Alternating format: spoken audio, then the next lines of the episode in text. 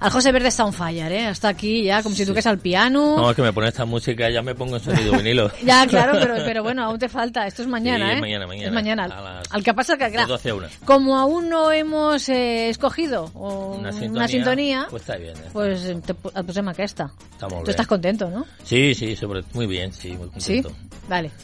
Recordem que tenim una cançó, encara, allà, Sí. amagada, que no l'hem posat. M'està dient el Robert Però que si por- vols sentir-la ara. ¿Ahora la quiere poner ya?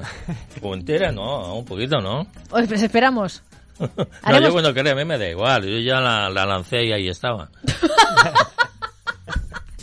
Ah, el Marc em sembla que ha posat una cara como en plan, no sé de qué estáis No, hablando. dirá, señor, ¿qué hace? Hace Claro. fútbol, hace música, canta también. Sí. Sí, sí, canto y toco la guitarra cuando puedo. Se está, está Robert preguntant que si la pone, Sí. eh? Ah, a mí me da igual, pero como caray. Venga, Coño, ahora con muy- tanta claro, expectación claro, sí. no la vamos a poner. Muy bien, venga. Ara me quedo jo. No la posarem avui, la posarem Ah, va, a la con- propera. Con el tema importante de hoy. Exacto, sí. Perquè avui has vingut amb un amic que ja tenim conegut aquí a- Sí, al ya programa. de momento lo hacemos medio fijo aquí. sí, porque vendrá los martes, pero no cobrará. ¿eh? El. Ese es el medio, ¿no? Es El medio, el el, fijo y el medio. meitat, és la meitat. Claro, claro. El Marc sí. Toro. Què tal, Marc? Què Molt tal? bé, bon dia, molt content d'estar aquí. Sí, encara que no cobris? Sí, sí, sí. sí, sí. Ya se lo pasaré. Com que ens ho passem bé, eh? Sí. Això té un preu. Ah, mira, Ah, pues y ahora a- vamos a cobrar ah, entrada aquí. Además hace un KitKat de... ¿Un qué hace? KitKat, ¿no? ¿Se llama aquello? Kit Kat. KitKat. Exacto, sí. Un Kit Que Saps va bien, eh? de la Que també va bien. Sí. Claro. Però t'estan escoltant a la farmàcia ara? Sí, Eh, se supone espero. que sí.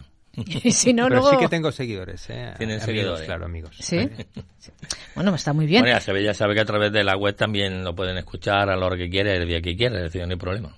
Bueno, para la gente que esté diciendo, vale, muy bien, el Marc ya ha venido, pero ¿quién es? El amigo Marc, El amigo Marc. bueno, que el que nos vas a informar de, de muchísimas cosas ¿eh? cada semanita. En esta la hemos elegido, que va a ser la del tabaquismo. Eh, Hmm. no sé, no me, afe- me afecta alguna parte, yo no he fumado en mi vida, pero supongo que me debe de afectar también, ¿no? Si los De, otros de alguna forma, de alguna forma puede llegar a afectarte, pero bueno, eres Sí. uno de esos 52% de españoles que no han fumado nunca, que no está mal. Sí. ¿Y tú te lo No, crees yo- esto, Marc? Sí, no, no, no. O sea, yo te lo puedo jurar eh, cuando quiera. Yo en mi vida he tocado un cigarro. Ah, ah, mira, Roberta está, diciendo que tampoco. Ya tenemos el 50, porque yo sí que fumo. Tú fumas, ¿no?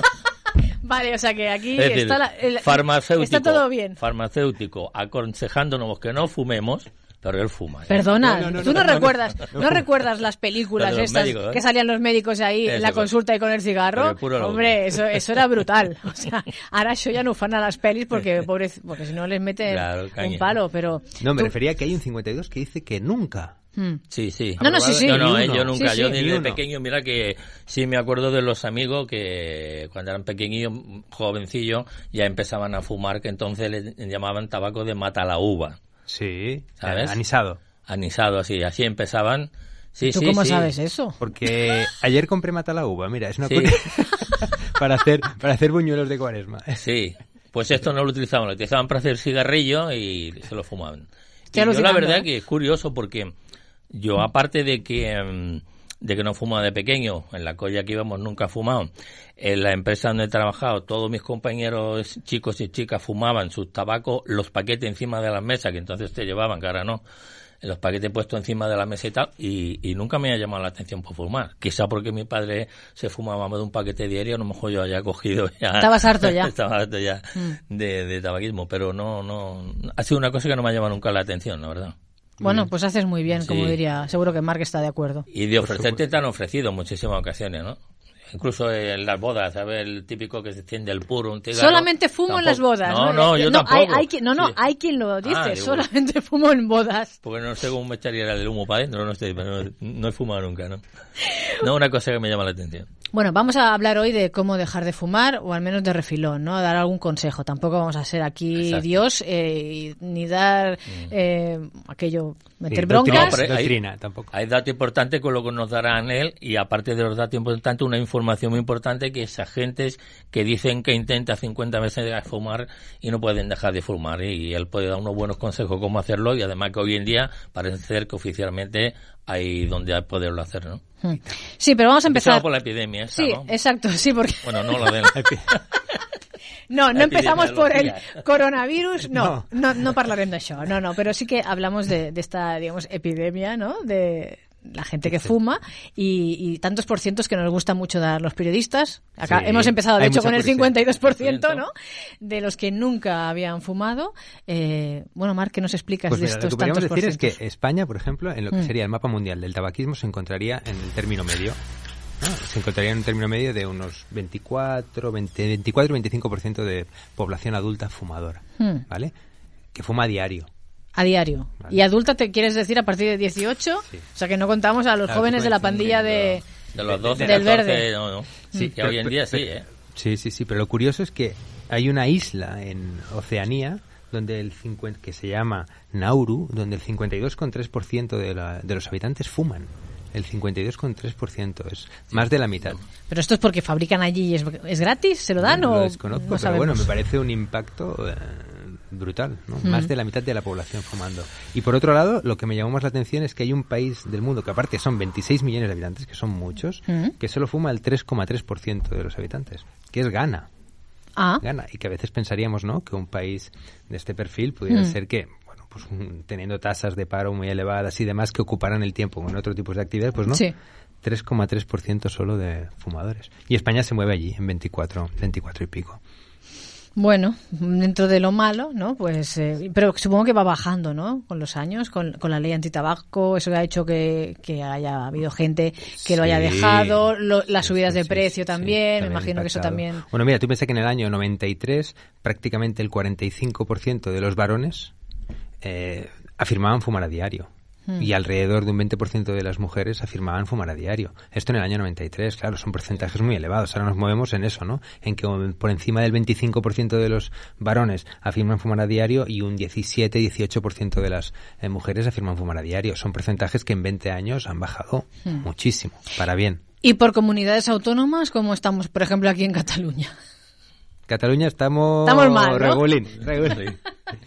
La, la comunidad autónoma donde hay un porcentaje más elevado de, de fumadores activos a diario es con la comunidad valenciana, Castilla-La Mancha y Ceuta. Son las tres que tienen un porcentaje superior al 25%. Mientras que, por otro lado, lo que más me llamó la atención es que es Madrid, la comunidad autónoma donde hay menos porcentaje de fumadores. En Ah, España. sí, pues no lo hubiera dicho nunca. Sí, sí, sí, entre el 17 y el 18%. Es muy, es muy llamativo porque también hay que decir que es una comunidad autónoma donde podríamos decir que los niveles de estrés eh, son equiparables a los niveles de estrés que podría vivir una ciudad como una comunidad autónoma como Cataluña Hmm. y en cambio los, los, los porcentajes se mueven en un 3-4% por debajo de lo que es eh, Cataluña. Es muy llamativo, muy llamativo.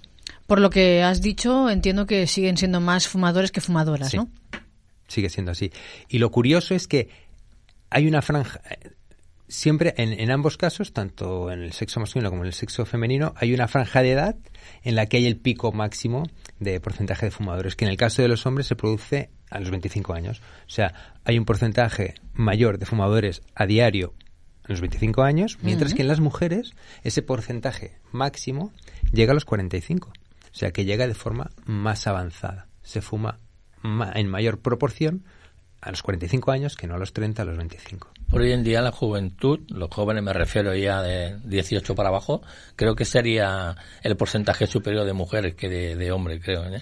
Mm, es un, las es un chicas- dato, eh, claro, es un dato que no he revisado, pero, Pero creo que las chicas tienen más porcentaje en esa edad, en ese, Ajá. en ese tramo de edad, que los chavales en a la hora de fumar. Sí. También hay que decir una cosa, ¿eh? que con el paso de la edad, uno de los datos que presenta el Ministerio de Sanidad y la Asociación Española de la Lucha contra el Cáncer es que también la mujer no es más eh, es, un da- es una consecuencia, es una conclusión que se, re- que se deriva de los datos, ¿no? Es más, eh, dijéramos, consciente de, la- de lo perjudicial que puede ser este hábito porque también hay un mayor porcentaje de exfumadoras, Mm. ¿no?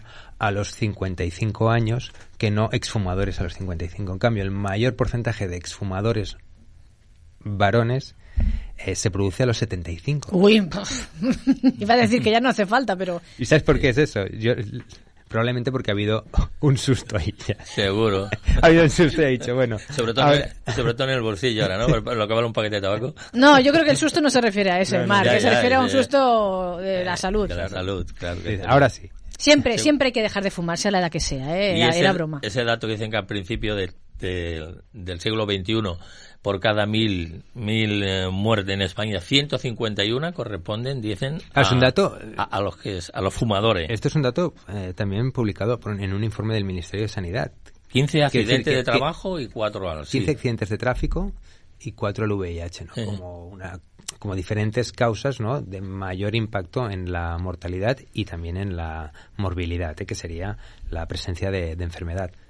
Eh, se entiende ¿no? que, que hoy en día, teniendo pues, un coronavirus que ocupa todos los espacios mediáticos prácticamente eh, de forma totalitaria, ¿no? Em, se tenga el foco puesto en algo que es en parte desconocido para, la, para el sistema sanitario, desconocido para los investigadores, etcétera. Pero eso no quita que hay una realidad que es un, está plasmada, ¿no? Que es que de mil muertes, cada 151 están relacionadas con el tabaquismo. Y el cáncer tiene un tanto por ciento muy, elevado, dentro de ese número. Claro. Además. Con lo que ello implica, ¿no? Convivir con una enfermedad con el cáncer, pues ya sabemos lo que es. Entonces, prácticamente el 80% de los cánceres de laringe hmm. eh, están relacionados con el, con el tabaquismo. Pero es que incluso el 50% de los cánceres de, de vejiga están relacionados con el tabaquismo. O sea que a veces nos pensamos, no. Eh, eh, sí, son los pulmones. Los pulmones y la laringe no, no, pero es que incluso la vejiga se ve afectada por los factores tóxicos hmm. que, que contiene el tabaco y otras enfermedades también relacionadas con el aparato respiratorio o con el corazón incluso. Claro, prácticamente el 90% de las eh, bronquitis están diagnosticadas están relacionadas con el, con el tabaquismo. La enfermedad, eh, la enfermedad pulmonar obstructiva crónica tiene como principal causa el tabaquismo y buena parte, yo creo que es hasta un 30% de las cardiopatías eh, coronarias también están relacionadas con el tabaquismo. O sea que claro que el impacto que tiene en la sociedad, tanto desde un punto de vista sanitario como también eh, socioeconómico, porque al hmm. fin y al cabo em, poder no mantener una cierta calidad de vida en este perfil de paciente requiere de, medicación o ha, requerido en algún caso algún tipo de intervención quirúrgica y eso tiene un impacto también en, la, en, el, sistema sociosanitario. ¿Y relacionado con los niños o el embarazo? ¿Cómo tenemos los tantos por cientos? Aquí yo creo que también la sociedad en general está muy muy muy muy muy sensibilizada ¿eh? pero bueno no hay no hay que remar no hay que dejar de remarcar que aunque por muy sensibilizada que esté la sociedad es muy importante evitar tanto el fumar como estar expuesto a tabaco durante el embarazo por el riesgo de, aborto prematuro, pero también por una cosa tan básica como es que el, que el, niño nazca con bajo peso. Un niño que nace con bajo peso tiene mayor riesgo de padecer una muerte perinatal que no un niño que nazca con un peso normal. Entonces, si el factor de riesgo es el tabaco, que hace que ese niño no crezca con la normalidad eh, adecuada, pues puede producirse también eso. ¿no? Paralelamente, los niños cuando simplemente durante la lactancia, ¿no? con niños que han nacido sanos, eh, pero que han estado expuestos durante la lactancia o han estado expuestos eh, durante su infancia al tabaquismo, también tienen mayor recurrencia de bronquitis, de otitis, de problemas hmm. relacionados con el sistema respiratorio. Pues vamos a hablar de los beneficios que podemos tener. Claro. Oye, pero hay una que si no se nos acaba el tiempo y no lo hablamos. Sí. ¿Es un bulo o una realidad eso que dice que si deja de fumar se engorda? Cuando deja de fumar se engorda. ¿Es realidad o un bulo que la No, no, no, no, tiene una razón fisiológica. Y es que como hay tox, eh, toxinas en el, en el tabaco, ¿no? Hay factores tóxicos. El, el, propio metabolismo lo que hace para luchar contra ellas es estar más activo. Y al estar más activo, pues se consumen más calorías. Si dejamos de fumar, esos tóxicos que contiene el tabaco ya no los tenemos en nuestro organismo, por tanto el cuerpo no tiene que acelerar su metabolismo para destruirlos y por tanto consumimos menos calorías. comer. O quien se aburre, que no puede fumar, pues come, ya está. Es que también Está ahí. El café. el café también. bueno, pero los beneficios, aparte de, que bueno te puedas engordar, esto se, se, tiene que controlar y punto. Eh, ¿Qué beneficios tenemos? Aparte de poder oler todo lo que nos llega y la comida y tener más sabor, todo eso. Que eso también puede hacer que, comamos más. Claro, esta comida que yo me comía hasta ahora no sabía así. Entonces, Ostras, qué buena está, me como el doble, ¿no? Vale. Pues eso puede ser también una razón por la cual. Pero bueno, así, de forma rápida, pues claro, es que hay cosas que poco tiempo ya un paciente a lo mejor no experimenta de una forma muy visible, pero que sí eh, está experimentando, pero, pero, pero, no puede ser que no la esté apreciando. El ritmo cardíaco en 20 minutos se, se, reduce, la presión sanguínea también. A las 8 horas los niveles de monóxido, que es uno de los componentes más tóxicos del tabaco, eh, prácticamente en, sangre se normaliza. A las 24 horas el riesgo de infarto súbito desaparece, des, perdona, reduce, no se desaparece. A las 48 horas se comienzan a normalizar tanto el sentido del olfato como del gusto, que esto es algo que sí que ya en poco tiempo el paciente sí. puede experimentar y eso ya es algo placentero. Por tanto, ya hay un estímulo cortoplacista que puede ayudarnos a tener ¿no? Uh -huh. eh, ganas de, de dejar de, de, de, fumar. Y luego, aspectos ya a medio, largo plazo que se ven mejorados pues son la, mejora de la, de la, de, la, circulación, de la función pulmonar, se reduce la tos, que hay muchos pacientes que viven, conviven con una tos eh, improductiva, seca, muy molesta, que les impide incluso poder tener un descanso adecuado, que al cabo de un tiempo, entre un mes y nueve meses, pues ven reducida esa tos, ¿no? Pues eso todos los beneficios añadidos. Y bueno, ya hablando un poquito más a largo plazo, las, car las cardiopatías coronarias a partir del año también se ven, se ven reducidas. Y si queremos dejar de fumar, a pesar de que haya gente que diga, oh, yo lo he intentado y he vuelto a fumar, o no sé cuándo hacerlo, o y si fumo menos, todo estas que son excusas al final, sí. eh, ¿cómo podemos hacerlo? ¿Cómo podemos, tenemos que tener un plan, digamos, cada uno diferente? Eh, o... Se puede establecer un guion homogéneo, pero que cada uno lo adecue un poco a, a, su, dijéramos, a su forma de vida o a, o a, los estímulos que él considere que son positivos y que le ayuden, ¿no? Que mm. le refuercen el hecho, el, el, el hecho de animarse, de animar a hacerlo, ¿no? Si alguien ha intentado y lo ha fracasado, eh, bueno, es como todo en la vida, ¿no? Mm. Que lo vuelva a probar.